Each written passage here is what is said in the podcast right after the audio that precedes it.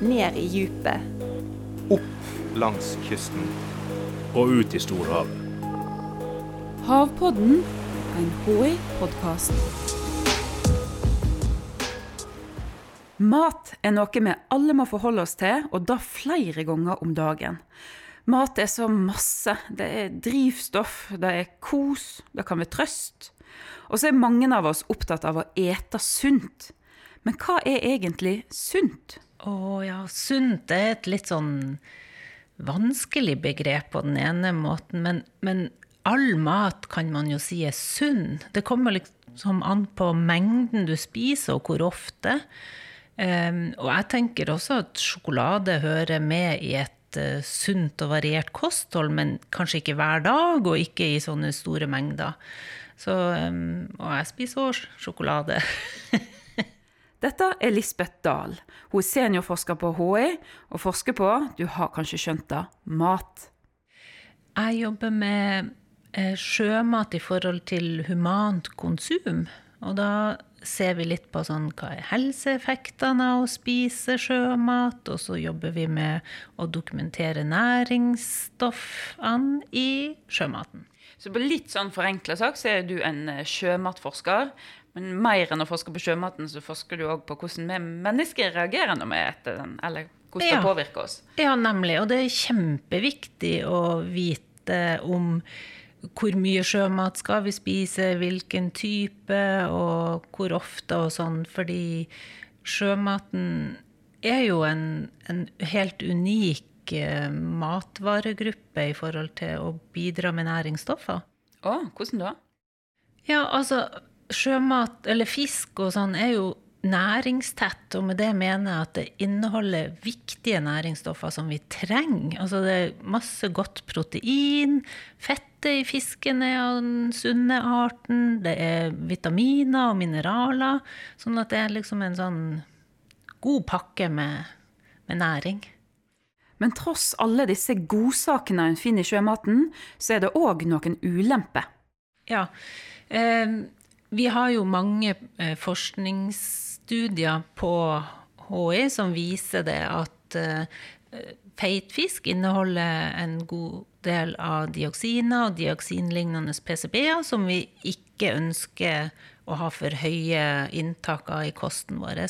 Eh, Vi vet at mager fisk er en bidragsyter til metylkvikksølv, som vi også ikke skal ha for mye av oss i.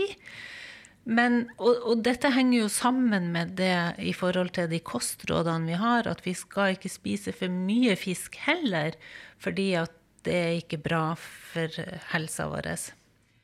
Ikke for lite, men heller ikke for mye fisk, altså. Da sier de norske kostholdsrådene, som skal hjelpe meg og deg til å ha et godt og sunt kosthold. Det er Helsedirektoratet som kommer med rådene, som blir jobba fram av Lisbeth og mange andre matforskere. Men hvordan veien en fordeler og ulemper med ulike matvarer opp mot hverandre for å kunne gi et godt råd? Det som man gjør, er jo det at man gjør jo et systematisk litteratursøk og går gjennom all ny litteratur. Hva finnes, hva har skjedd, altså hva er endra? Så må man jo liksom kvalitetssikre de enkelte studiene. Ja, så veier man jo det. Altså, noen finner jo ugunstige helseeffekter og det må man jo ta hensyn til, sånn at det er en sånn balansegang. Vi setter det på en måte på vektskåla, og så er det jo egentlig der uh, man har en overbevisende og sannsynlighet for at det er en sammenheng. Det er det veier tyngst. Og når forskerne har vekta og diskutert, så munner det gjerne ut i nye kostholdsråd. For kostholdsrådene våre er ikke hogd i stein, de blir oppdaterte når vitenskapen har gitt oss ny kunnskap.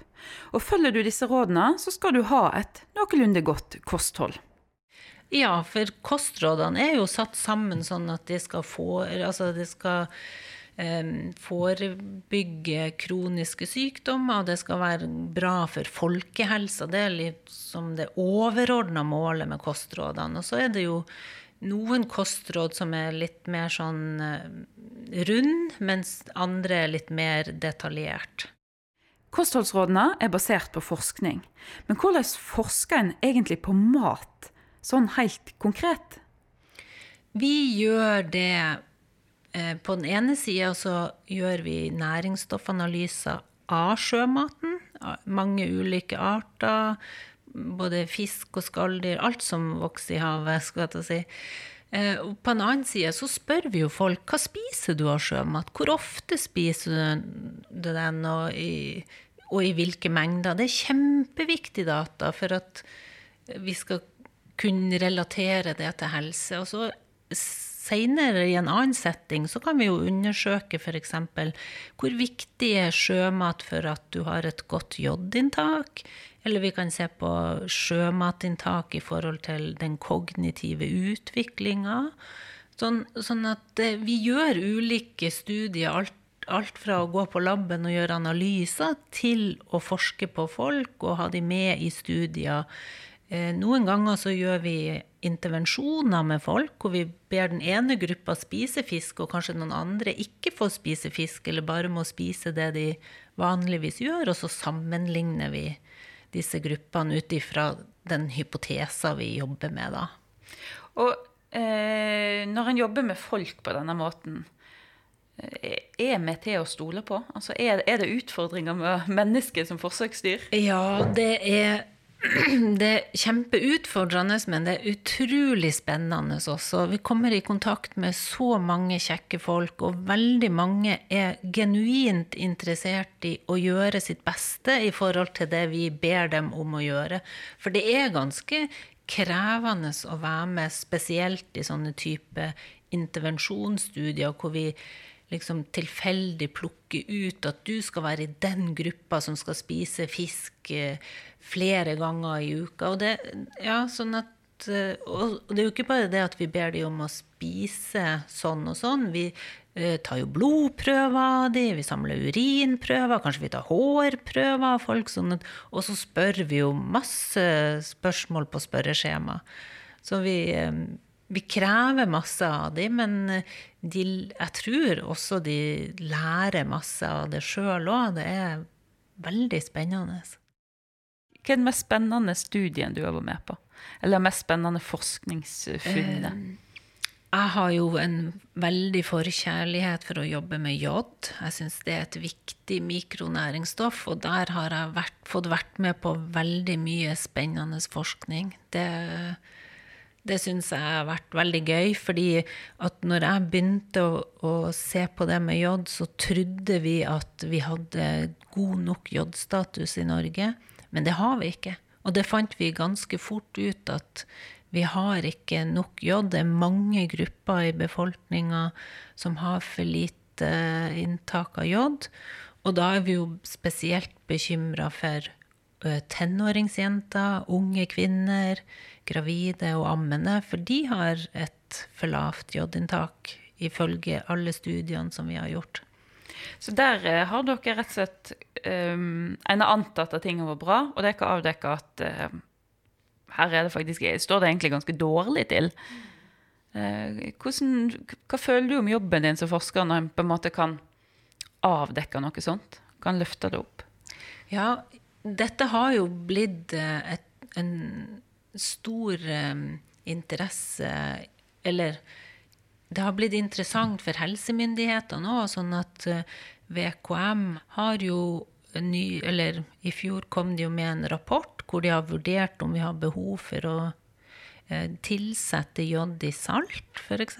i befolkningen, for at vi skal øke jodinntaket. På en annen måte så kan man jo tenke ok, vi har jo et godt potensial med å spise mer sjømat og få i oss mer jod. Um, og denne biten da er, ligger jo per i dag hos Helsedirektoratet i forhold til um, skal vi, eller skal de gå i gang med beriking av enkelte matvaregrupper med jodisert salt, eller ikke.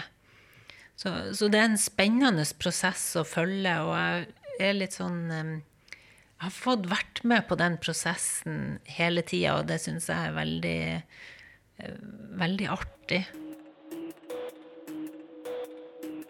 Jeg vil eh, Som ernæringsforsker, og spesielt eh, med fokus på det med sjømat, så tenker jeg at smak på sjømaten, det er utrolig variasjon. Det er lett å lage til. Den er fullpakka med næringsstoffer som du trenger. Så jeg tenker det gjør godt for helsa di, altså.